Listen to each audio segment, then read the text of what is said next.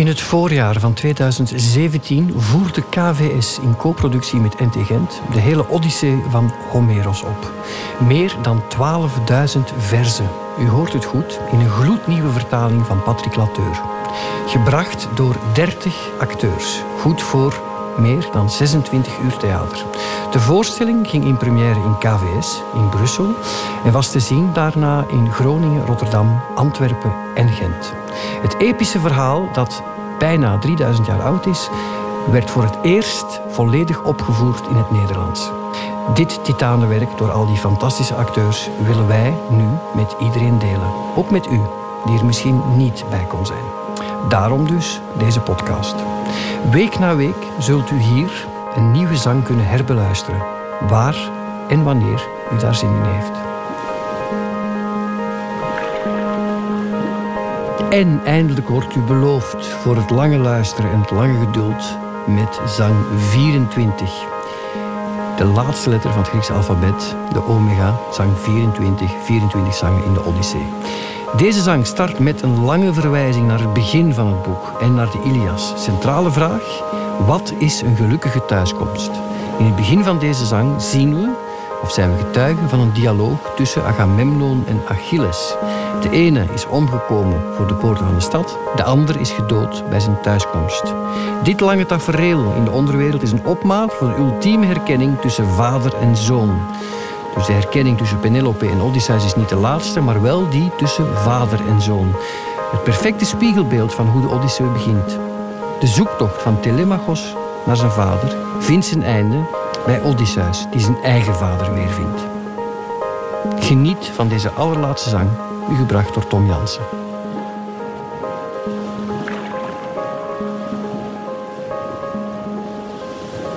Maar Hermes, de Kilenier, riep toen uit het paleis de schimmen van de vrijers naar buiten.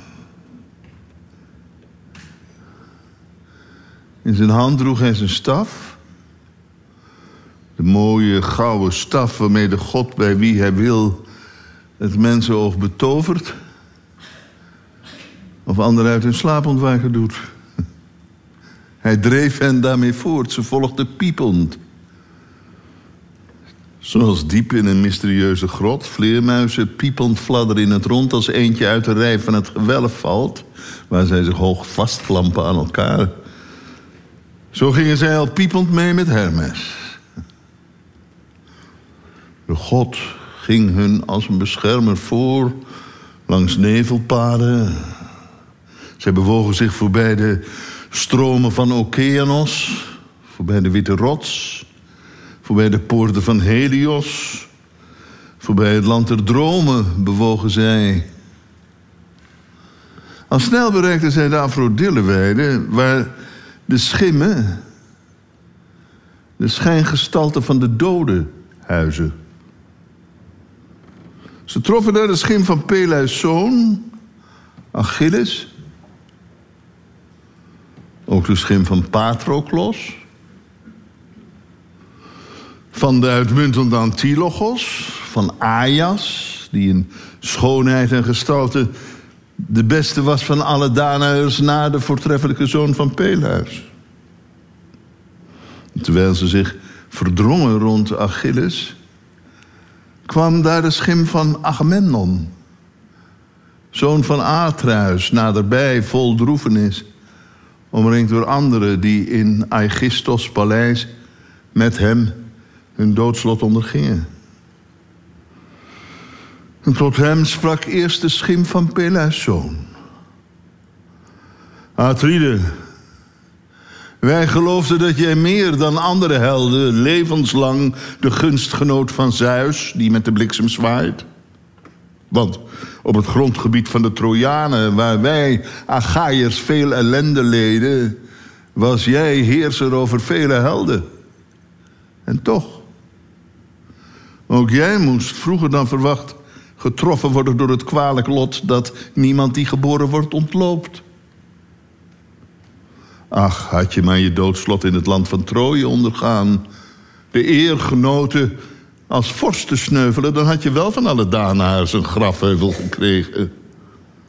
Dan had je voor de tijd die komt een grote roem verworven voor je zoon. Maar jij was voorbestemd om overmand te worden door de vreselijkste dood. De schim van Atreus' zoon gaf hem als antwoord... O jij, godgelijke zoon van Peleus, jij, Achilles, bent gelukkig. Want je stierf in Troje, ver van Argos. Rondom jou zijn anderen, de beste van Trojanen en Danaars... gesneuveld in de strijd om jouw lijk. Een warreling van stof lag jij lang uit in al je grootheid... Geen besef meer van je kunst een paard te mennen. En wij, wij hebben heel de dag gevochten. We hadden zelfs de strijd niet stopgezet als Zeus hem door een storm niet had beëindigd. Toen hebben wij jou naar de vloot gebracht, weg uit de strijd. We maakten met warm water en zalfolie jouw prachtig lichaam schoon om het dan neer te leggen op een baar. Veel hete tranen stortten de Achaiërs rond jou. Ze sneden lokken van hun hoofd. En toen zij de tijding had vernomen... dook met de onsterfelijke zeegodinnen je moeder uit de zee op. En er klonk over het diep een vreselijke weeklacht. Beven greep alle Achaiërs aan. Zo waar, ze zouden opgesprongen zijn om weg te hollen naar de holle schepen... als niet één man hen had gestopt. Vanouds met veel ervaring en wiens naam voorheen ook als de beste gold, met name Nestor. Bedacht op hun belang nam hij het woord. Wacht, zonen van Achaia, vlucht toch niet. Het is een moeder die in het gezelschap van de onsterfelijke zeegodinnen daar opduikt uit de zee. Zij wil aanwezig zijn bij de uitvaart van haar dode zoon. Zo sprak hij. En daar Gaius bleven staan. De dochters van de oude uit de zee stonden rond jou in weeklacht en gejammer. Ze kleden jou in goddelijke gewaden. De muzen Samen negen alterneerden met mooie stem een klaaglied. En men kon niet één argeier zonder tranen zien, zo klaar. En treffend klonk de muzezang. We weenden. Dagenlang en nachtenlang, wel zeventien. Wij, sterfelijke mensen. En de onsterfelijke goden ook. De achttiende vertrouwden wij je toe aan vuur we slachten vele vette schapen rond jou en runderen met kromme horens. Je werd verbrand in goddelijke waarde met zoete honing, overvloed van olie, rondom je brandstapel. Een stroom van helden, veel Danaërs, gewapend, zowel ruiters als voetvolk. En een luid gedruis rees op. Maar toen Hephaistos vlam jou had verteerd, Achilles Zamelden we s'morgens vroeg je blank gebeente, legden het in olie en onvermengde wijn. Je moeder gaf een gouden urne met een dubbel oor. Geschenk, zei ze, van god Dionysos. Werk van Hephaistos, de beroemde smid. Je blank gebeente, glansrijke Achilles, rust nu daarin. Vermengd met het gebeente van Patroklos, zoon van Menuitios die al gesneuveld was. Afzonderlijk ook het gebeente van Antilogos, die jij, toen Patroklos gesneuveld was, ver boven al je andere makkers eerde. En wij, het machtig leger van Argeiers, landzwaaiers, wierpen over jouw gebeente een hoge heuvel op die schitterde, waarbij de brede Hellespont de kust vooruit steekt met een punt. Zo springt op zee je graf van verre in het oog voor mensen die er nu zijn of later zullen leven. Je moeder vroeg de goden mooie prijzen die zij dan midden in het strijdperk legde voor de voornaamste van de Danaars. Jij was al bij de uitvaart van veel mannen die helden waren. Als de koning sterft, omgorden zich de jongelui. Ze maken zich klaar om voor de prijzen te gaan kampen. Maar jij zou wel het meest verbaasd hebben gestaan als je de pracht van prijzen zag die de godin daar legde, jou ter ere. Jou, Thetis, met de zilverwitte voeten. Jij was de goden toch wel erg geliefd. En zo verloor je zelfs niet na je dood je naam. Ja, steeds zal jij bij alle mensen, Achilles, uitgelezen eer genieten. Maar ik doorstond het kluwen van de oorlog. En welk een vreugde valt mij nu te beurt. Zeus heeft voor mij een droeve dood bedacht bij mijn terugkeer. Door Archistos handen en die van mijn verderfelijke vrouw. Hmm. Terwijl ze daar zo met elkaar spraken, kwam dicht langs hen de bode, Argosdoder, en de schimmen van de vrijers, slachtoffers van Odysseus, dreef hij net naar de Hades. Toen zij hem zagen, liepen ze verbaasd recht op hem af. De schim van Agamemnon herkende Melenuis geliefde zoon, Amphimedon. Hij had een grote faam en was ooit gastheer voor de zoon van Atreus op Ithaca, waar hij zijn woning had. En als eerste sprak de schim van Peleus van Atreus zoon. Amphimedon, wat overkwam jullie? Dat jullie alle uitgelezen kerels en van gelijke leeftijd afgedaald zijn naar dit duister land. Als men de beste bijeen zou moeten zoeken in de stad, dan zag de keuze er niet anders uit. Was het Poseidon, die een zware storm ontketelde en jullie op je vloot met hoge golven overweldigd heeft? Of was het een vijandig volk aan land dat jullie doden bij het buitmaken van groot vee of een mooie kudde schapen? Of was het in de strijd voor vrouw en stad? Nou kom, antwoord op mijn vraag. Want hier ben ik trots op. Ik ben je gastvriend. Want je weet toch nog hoe ik daar in je huis gekomen ben met mij, de goddelijke Menelaos, om Odysseus te porren op zijn schepen met goede roeibanken met ons naar Troje te gaan. Een volle maand heeft het geduurd om heel de wijde zee over te steken nadat we Odysseus, vernietiger van steden, moeizaam hadden overtuigd. De schim van Agamemnon, de schim van Amphimedon gaf hem als antwoord. Roemrijke zoon van Atreus, aanvoerder van krijgsvolk, Agamemnon. Ik herinner me alles zoals jij het me vertelt, beschermeling van Zeus. Ik zal jou alles heel duidelijk en onomwonden zeggen hoe ons het bitter doodslot overkwam. Vorst Odysseus bleef lange tijd afwezig en allen maakten wij zijn vrouw het hof. Hun huwelijk verfoeide zij, ze wees het niet af, maar ze maakte ook geen keuze. Ze zon voor ons op dood en donker noodlot. Haar geest beraamde deze nieuwe list. Ze plaatste in haar kamer een enorm getouw en weefde daar een buitenmatig fijn kleed. En kort daarop sprak zij tot ons: Aanbidders van me, jullie, jonge mannen. De goddelijke Odysseus is dood, maar jullie moeten toch nog even wachten, ofschoon je uitkijkt naar mijn huwelijk, totdat dit lijkkleed voor de vorst Laertes voltooid is.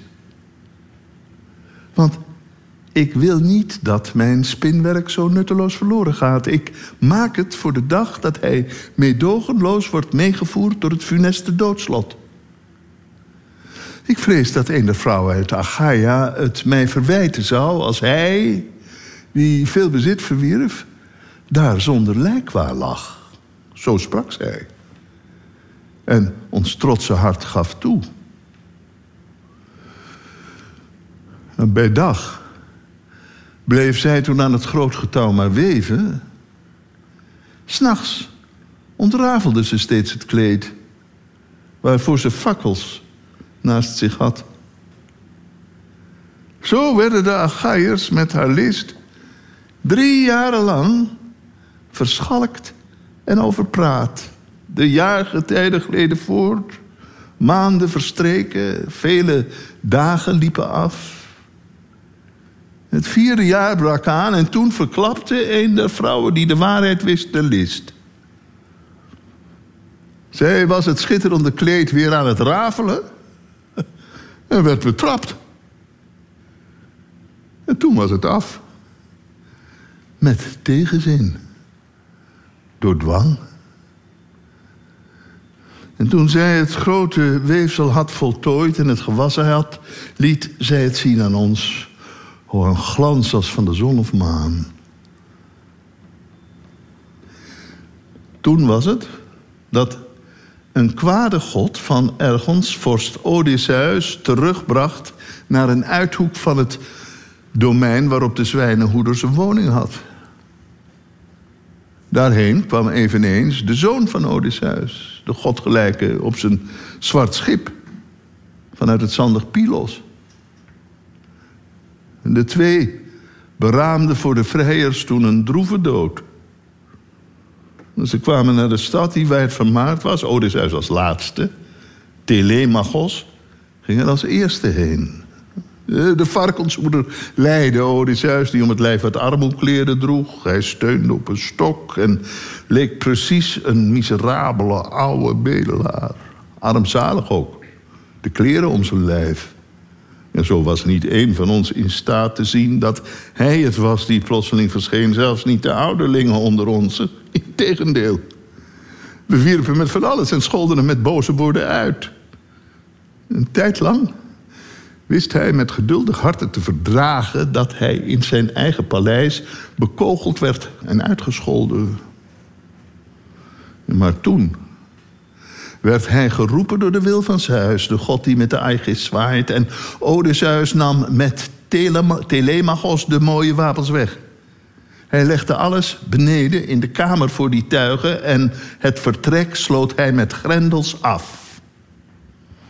Daarna verzocht hij in zijn grote sluwheid zijn vrouw zijn boog en ook de grijze bijlen van ijzer voor de vrijers aan te brengen. Hij wou daarmee met onze wedstrijd aangaan. Voor ons de aanvang van een bloedbad. Wij, die waren voorbestemd tot ongeluk. En niet een van ons was er in staat de pees te spannen van de sterke boog. Wij schoten in kracht veld tekort. Maar toen de grote boog Odysseus in handen kwam, begonnen we alle luid te roepen en te schreeuwen de boog toch niet aan Odysseus te geven, wat hij ook zeggen mocht met veel omhaal. Alleen Telemachos vuurde hem aan, beval het hem. De niet verzagende en goddelijke Odysseus nam dus de sterke boog in handen en spande hem met gemak. De pijl ging door de bijlen. En toen ging hij op de drempel staan. Hij schudde de snelle pijlen uit, keek dreigend rond... en toen trof hij de vorst Antinoos. Daarna mikte hij recht voor zich uit, schoot op de rest zijn pijlen af... gejammer weer klonk, zij vielen alle dicht op één. Het was ons duidelijk, een godheid hielp hem. Terstond in storploop, dwars door alle zalen, bleven ze doden, meegesleept door wraaklust. Afgrijzelijk gekreun klonk op, verbrijzeld de hoofden, het stromen bloed over de vloer. Zo gingen wij ten onder Agamemnon. In Odysseus paleis liggen nog steeds de lijken onbegraven. Maar de onze, elk in zijn huis, beseffen het nog niet. Onze geliefden, die het zwarte bloed uit onze wonden zouden moeten wissen, ons op de lijkbaar leggen en bewenen. Want dat is toch het voorrecht van de doden? En de schim van Atreus zoon gaf hem als antwoord... Jij vindingrijke Odysseus, zoon van Laertes. Oh, jij bent toch gelukkig, echt? Jij vond een vrouw van grote kwaliteit. Want de uitmuntende Penelope, de dochter van Ikarios, geeft blijk van goed begrip. Hoe goed hield zij het beeld van Odysseus, haar legitieme man, voor ogen? De vermaardheid van haar deugd zal nooit verdwijnen. Ja, de hemelingen bezorgen aardbewoners ooit een lied dat heerlijk klinkt ter ere van de wijze Penelope. Hoe anders Clytemnestra, de dochter van Tindarios. Hoe boos haar plan. Moord op haar legitieme man. Voor haar een lied van haat onder de mensen. Ze zal een vrede faam aan vrouwen geven, aan allen. Zelfs aan haar die deugdzaam is. En zo stonden zij te spreken met elkaar in Hades huis, de diepte van de aarde.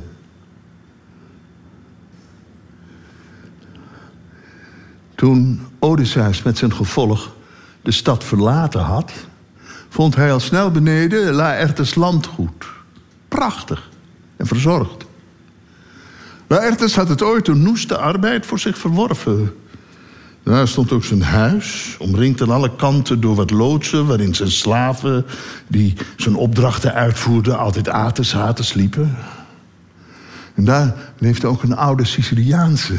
die hem met liefde op zijn oude dag verzorgde in zijn huis... ver van de stad. En tot zoon en herders sprak vorst Odysseus... Ja, begeef je naar het sterk gebouwde huis nu en slacht voor het maal terstond het beste zwijn. Ik wil intussen kijken of mijn vader me nog herkent. En weet wie hij ziet staan of niet, nu ik zo lang afwezig was.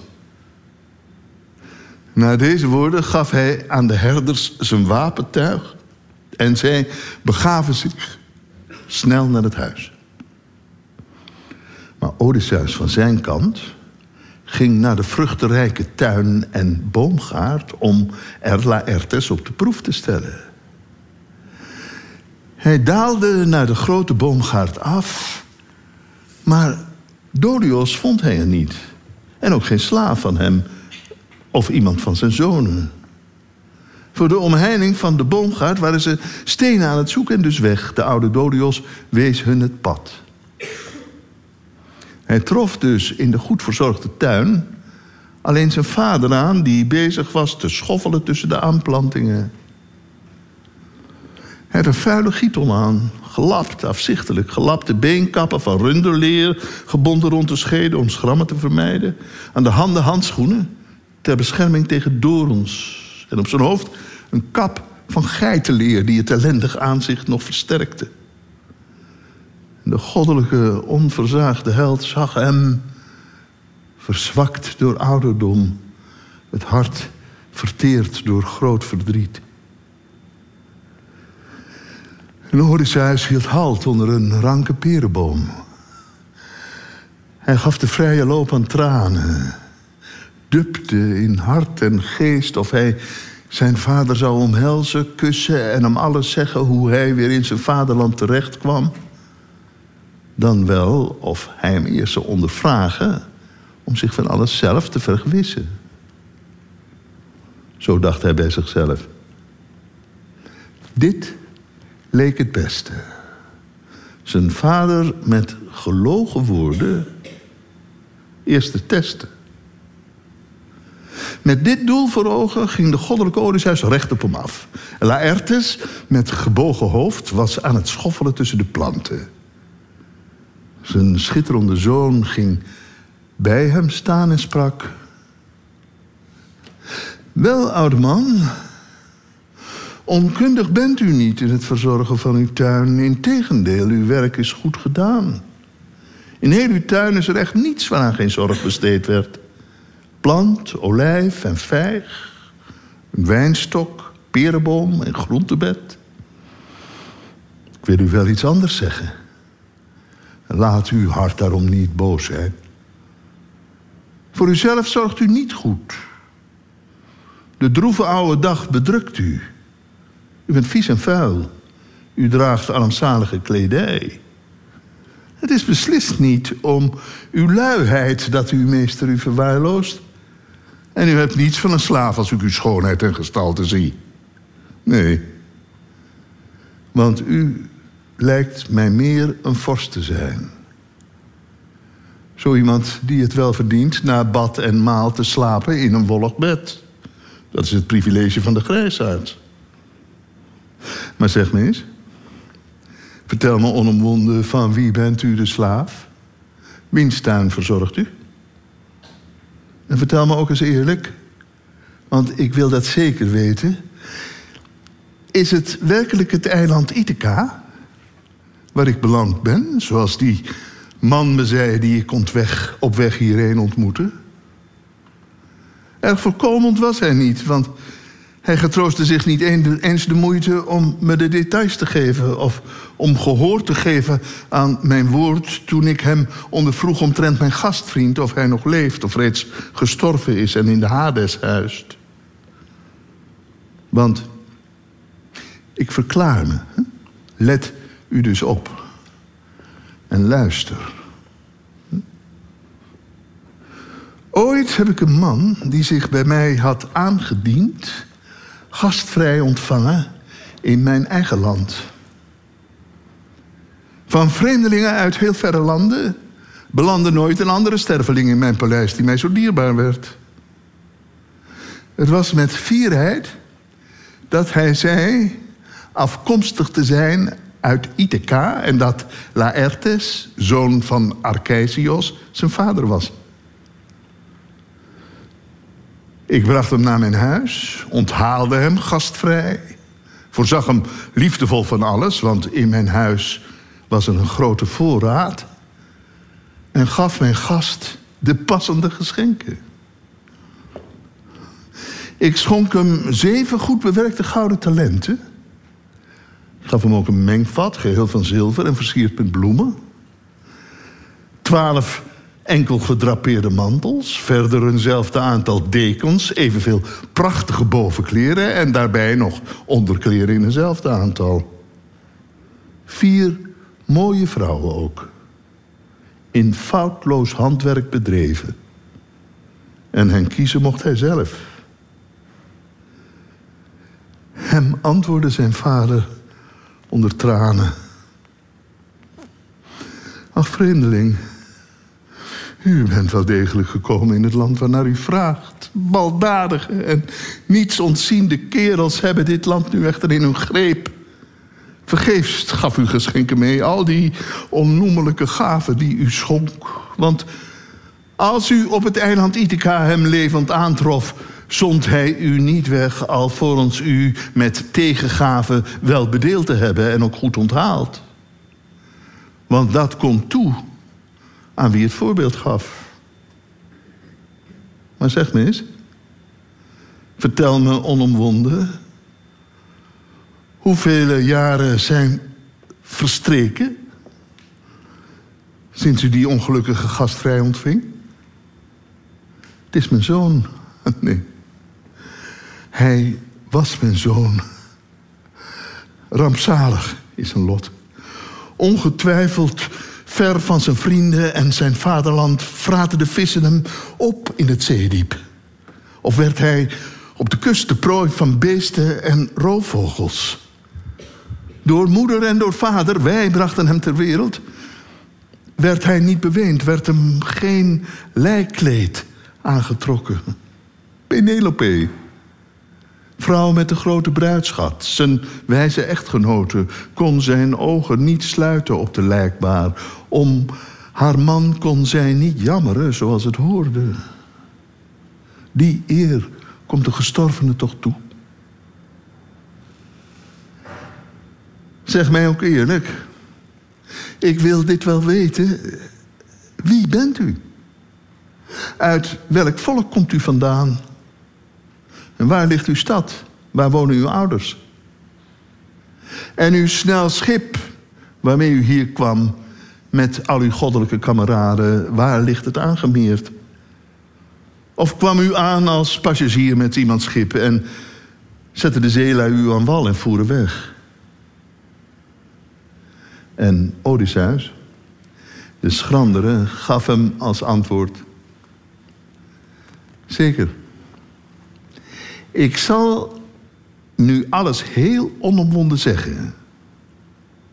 Wonen doe ik in Alibas, waar ik een mooi paleis heb. Ik ben Aphaidas zoon, die zelf de zoon is van heerser Polypamon. En ik heet Eperitos. Een godheid dreef mij echter weg van Sicania en ongewild kwam ik hier aan. Mijn schip trok ik aan land ver van de stad. Al ruim vier jaar geleden is Odysseus daar weggegaan en heeft hij, de ongelukkige, mijn land verlaten. Toch was voor hem bij zijn vertrek de vlucht der vogels gunstig, want ze vlogen rechts. Daarom was ik verheugd er niet om gaan. Ook hij was blij toen hij bij mij vertrok. We keken beiden hoopvol ernaar uit elkaar als gastvrienden terug te zien en prachtige geschenken aan te bieden. Zo sprak hij. En duister was de wolk van smart die toen de oude man Laertes hulde. Met beide handen greep hij wat zwart stof en strooide het over zijn grijze hoofd, aanhoudend, klagend. Odysseus werd week van binnen. En een scherpe prikkeling drong hem bij het zien van zijn geliefde vader door de neus. Hij sprong nu op hem toe, omhelsde hem met kussen en hij sprak. De man naar wie jij, vader, vraagt, die man ben ik hier zelf. Na bijna twintig jaar teruggekeerd naar mijn vaderland. Hou op met wenen, jammeren en klagen. Ik moet me wel erg haasten, maar ik zal het ronduit jou vertellen. In ons huis heb ik de vrijers omgebracht als wraak voor hun beledigingen, smaad en wandaad. Hem antwoordde Laertes en hij sprak. Oh. Als jij dan waarlijk hier gekomen bent als Odysseus, mijn zoon, geef jij me dan een duidelijk bewijs, dan weet ik het. En Odysseus, de schrandere, gaf hem als antwoord op dit liedteken. Laat jij maar snel je ogen vallen. Opgelopen op tocht in de Parnassos door een ever met witte slagtand. Want ik werd gestuurd door jou en ook door moeder eerbiedwaardig naar vorst Autodicos, haar lieve vader. Ik moest de geschenken halen, mij beloofd en toegezegd toen hij hier kwam. En verder zal ik jou de bomen noemen die jij me gaf in jouw verzorgde tuin. Ik liep in jouw verzorgde tuin als kindje achterna en stelde telkens vragen. Langs deze bomen liepen wij. Jij noemde hun naam, vertelde me van elke boom. Je gaf me dertien perelaars, daarbij tien appelbomen, veertig vijgenbomen en vijftig rijen wijnstokken beloofde je mij te geven die ononderbroken te plukken waren, elk op zijn moment. Ze brachten alle soorten druiven voort als suis seizoenen ranken doordoen buigen. Zo sprak hij. En de kracht ontzonk Laertes in hart en knieën toen hij de tekens had erkend die Odysseus hem wees. Laertes sloeg zijn beide armen rond zijn geliefde zoon. En Odysseus, de niet verzagende en fiere held, ving zijn in zwijm gevallen vader op hield hem tegen zich aan.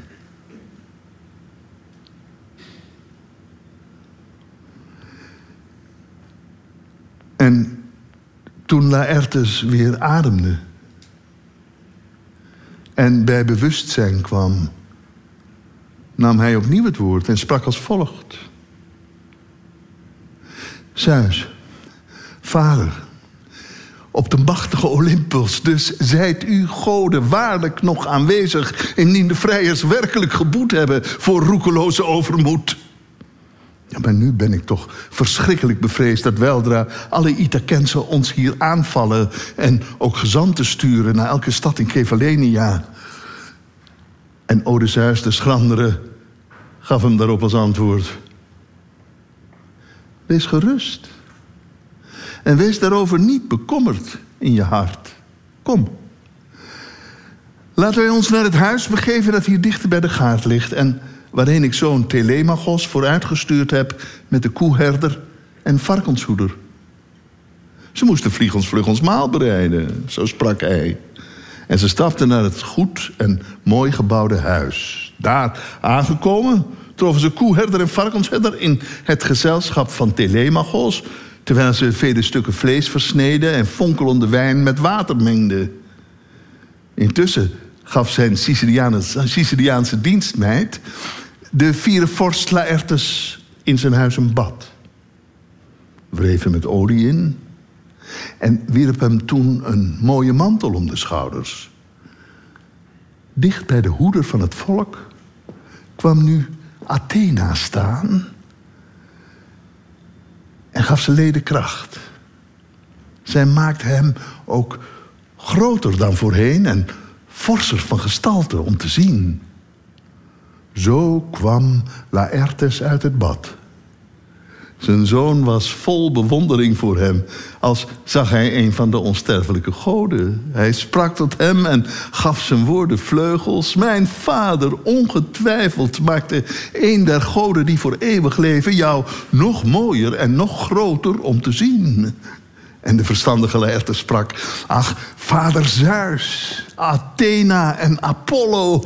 Als heerser van de Keveleniërs heb ik het sterk gebouwde Nerikos veroverd, kuststad van het vasteland. Had ik toch gisteren in ons paleis al even krachtig naast je kunnen staan, de wapens om de schouders en de vrijers afweren. Dan had ik in de paleiszaal bij tal van hen de knieën kunnen knakken. Je hart zou zich hebben verheugd van binnen. Zo stonden zij te spreken met elkaar. Maar toen de anderen hun werk hadden gedaan, de maaltijd hadden klaargemaakt, nam iedereen in leunstoelen en zetels plaats volgens rang. Ze strekte net de hand uit om te eten. Kwam daar Dolios, de oude man, weer naar het huis gestapt. En met hem ook de zonen van de grijsaard, vermoeid van al hun arbeid. Want hun moeder, het Siciliaanse oudje, was naar buiten gekomen om hen voor het maal te roepen. Ze zorgde voor hun eten, was gewoon vol liefde zorg te dragen voor de grijsaard... nu hem de oude dag gegrepen had. Ze zagen Odysseus, herkenden hem... en versteld bleven ze in de ingang staan. Maar Odysseus sprak hen innemend aan... Zet je aan tafel, grijsaard.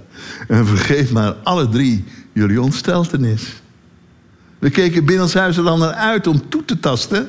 Maar we wachten al die tijd op jullie komst.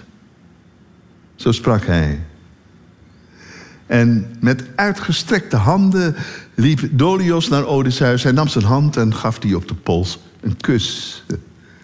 Hij sprak tot hem en gaf zijn woorden vleugels. Dierbare meester, u bent weergekeerd. Bij ons, die zo naar u verlangde. Maar we dachten al niet meer aan uw terugkeer. De goden zelf hebben u thuisgebracht. Gegroet. Van harte welkom. Mogen goden u zegenen. Eh, vertel me ook eens eerlijk, want ik wil dat zeker weten. Weet de wijze Penelope al zeker dat u hier teruggekeerd bent? Stuur hem een bode? En Odysseus, de schrandere, gaf hem als antwoord... Oude man, ze weet het al. Waarom zou jij je daarom zorgen maken? En zo sprak hij. En de oude grijsaard ging zich zetten op een glad geschaafde stoel. Met woorden heette ook de beide zonen van Dolios... de grote Odysseus weer welkom, drukten hem de hand... en zetten zich daarna bij hun vader naast elkaar... Zo waren alle binnenshuis drukdoende met tafelen.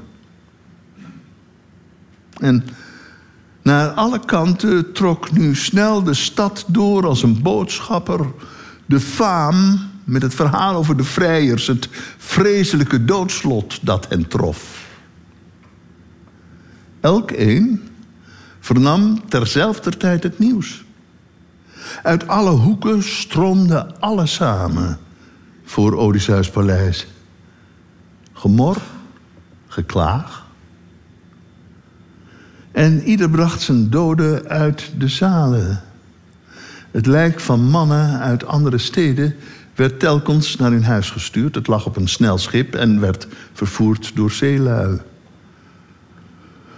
Maar zelf kwamen zij samen op het marktplein. Bedroefd van hart. En toen ze daar allemaal vergaderd waren, stond Eupeithes op. Nam in hun kring het woord en sprak hen toe. Want razend het verdriet diep in zijn hart omwille van zijn zoon Antinoos, die door de goddelijke Odysseus als eerste was te dood gebracht. Dus wenend om hem sprak hij tot de vergadering: Mijn vrienden, waarlijk vreselijk de daad door deze man beraamd tegen Achaiers. Hij voerde op zijn vloot wel talrijke en dappere Achaiers mee, verloor zijn holle schepen, heel zijn scheepsvolk ook. Bij zijn terugkeer doodde hij dan weer de beste van de Keveleniërs.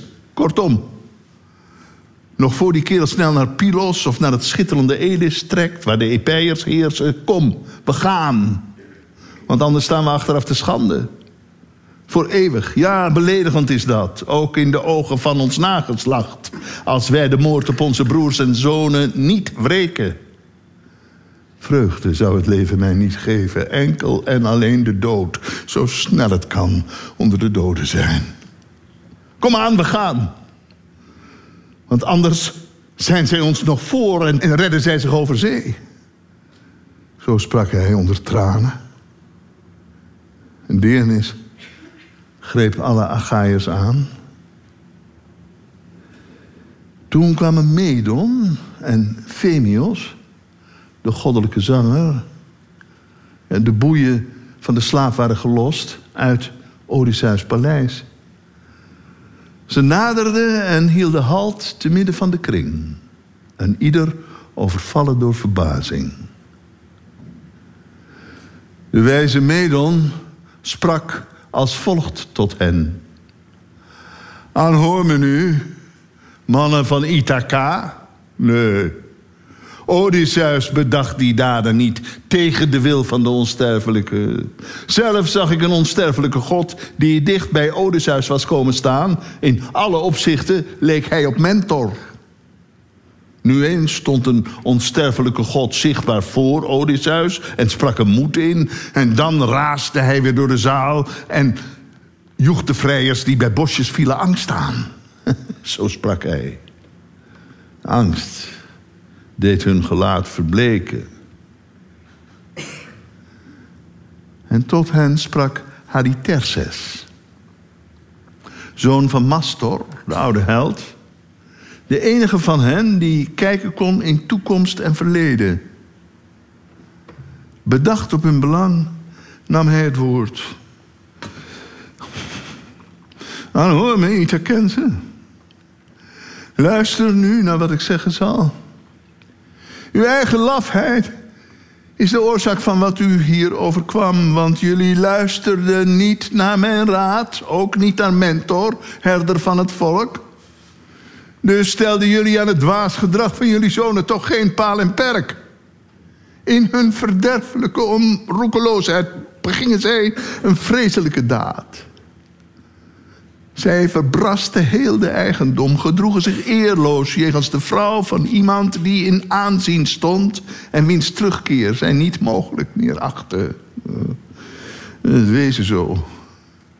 En doe nu wat ik zeg. We moeten niet ten strijde trekken. Zo vermijden we dat iemand wordt getroffen door onheil dat hij zich op de hals haalde. Zo sprak hij. En meer dan de helft sprong op met luide kreten, maar de rest bleef zitten. Zijn voorstel vond geen bijval in hun ogen. Zij volgden dus Eupeithes. Daarop haasten ze zich opeens om wapens te gaan halen. En met het onvervaarde brons bekleed verzamelden ze allen op het veld gelegen voor de uitgestrekte stad. Eupeiters nam in al zijn dwaasheid daar de leiding over hen. Op die manier dacht hij de moord te wreken op zijn zoon. Maar hem was geen terugkeer weggelegd. Hij zou zijn doodslot vinden op die plek. En toen sprak Athena tot Cronide Zeus. Cronide, hoog verheven boven heersers, jij, vader van ons allen. Zeg mens, ik vraag het jou. Welk plan ligt in jouw geest verborgen? Zal je de funeste oorlog en het gevreesde krijgsgewoel verlengen? Of tussen beide legers vriendschap brengen? En Zeus, die wolken samenpakt, gaf er als antwoord... Ach, mijn lieve dochter, waarom vraag jij me uit? Waarom mij zo bevragen?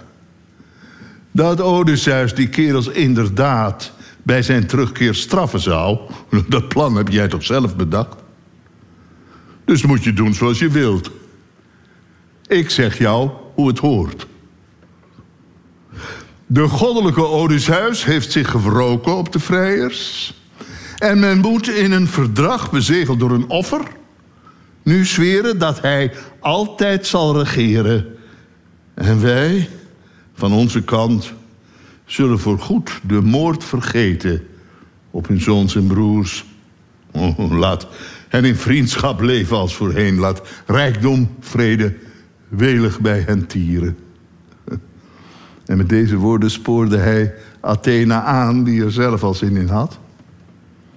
Ze daalde in snelle vaart Olympus hoogte af. En toen zij van de heerlijke, honingzoete spijs ruim genoeg gegeten hadden, sprak de niet verzagende en goddelijke Odysseus. Laat een van ons naar buiten gaan en zien of onze vijand al genaderd is. Zo sprak hij. En een zoon van Dorios ging naar buiten zoals hij bevolen had.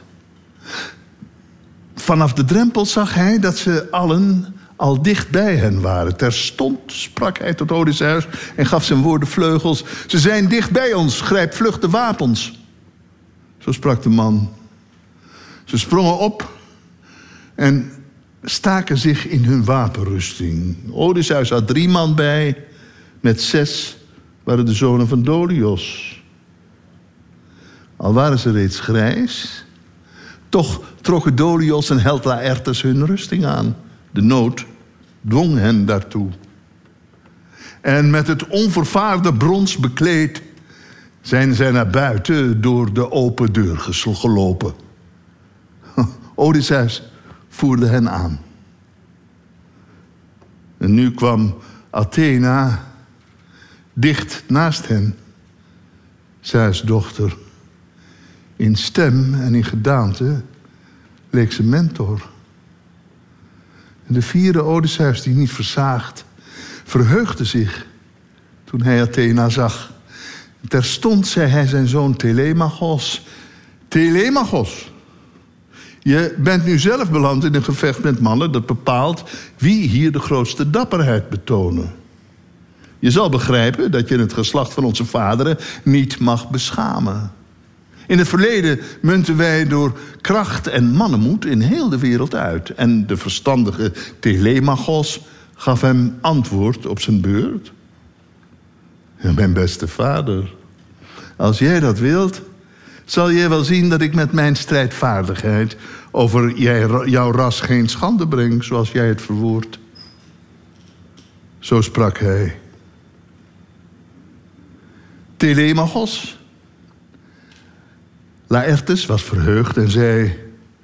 Geliefde goden, wat een dag is dit voor mij. Ik ben heel blij Ik zie de wedijver van zoon en kleinzoon om wie de dapperste van beiden is. Athena met de fonkelende ogen kwam dicht bij hem staan. Zoon van Narcijsios. Veruit de dierbaarste van al mijn vrienden. Richt een gebed tot vader Zeus. En ook zijn dochter met de fonkelende ogen. Zwaai snel je lans met lange schaduw dreigend omhoog en geef er vaart. Zo zei de godheid. Athena, Pallas, blies hem grote moed in.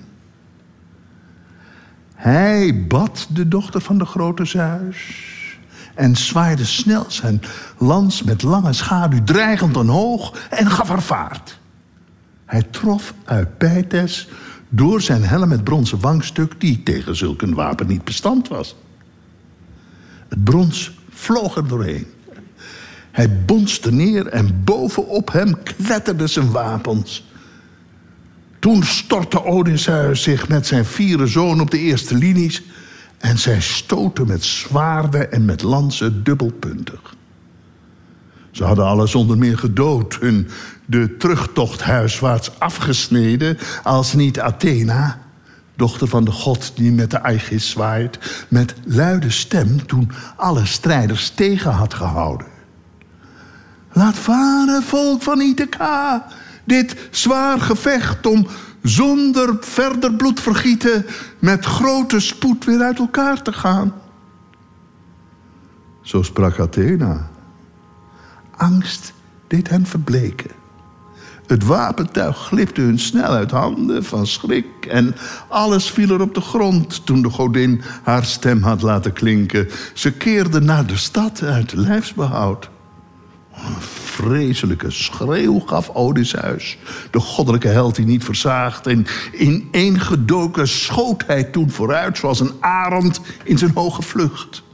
Maar op dat ogenblik zond Kronos zoon een bliksemvuur dat alles doet verzengen.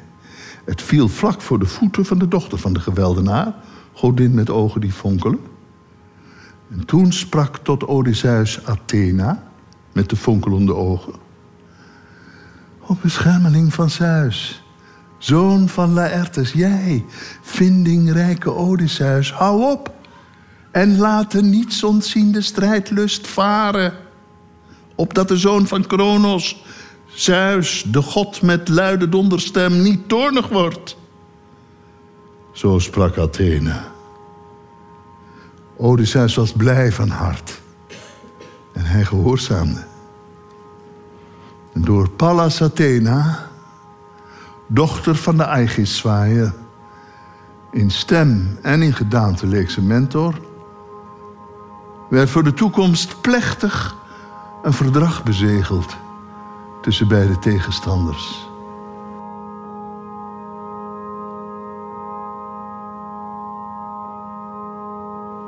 Deze podcast is een samenwerking van KVS, Radio 1, uitgeverij Atheneum Pollak en Van Gennep en vertaler Patrick Lateur.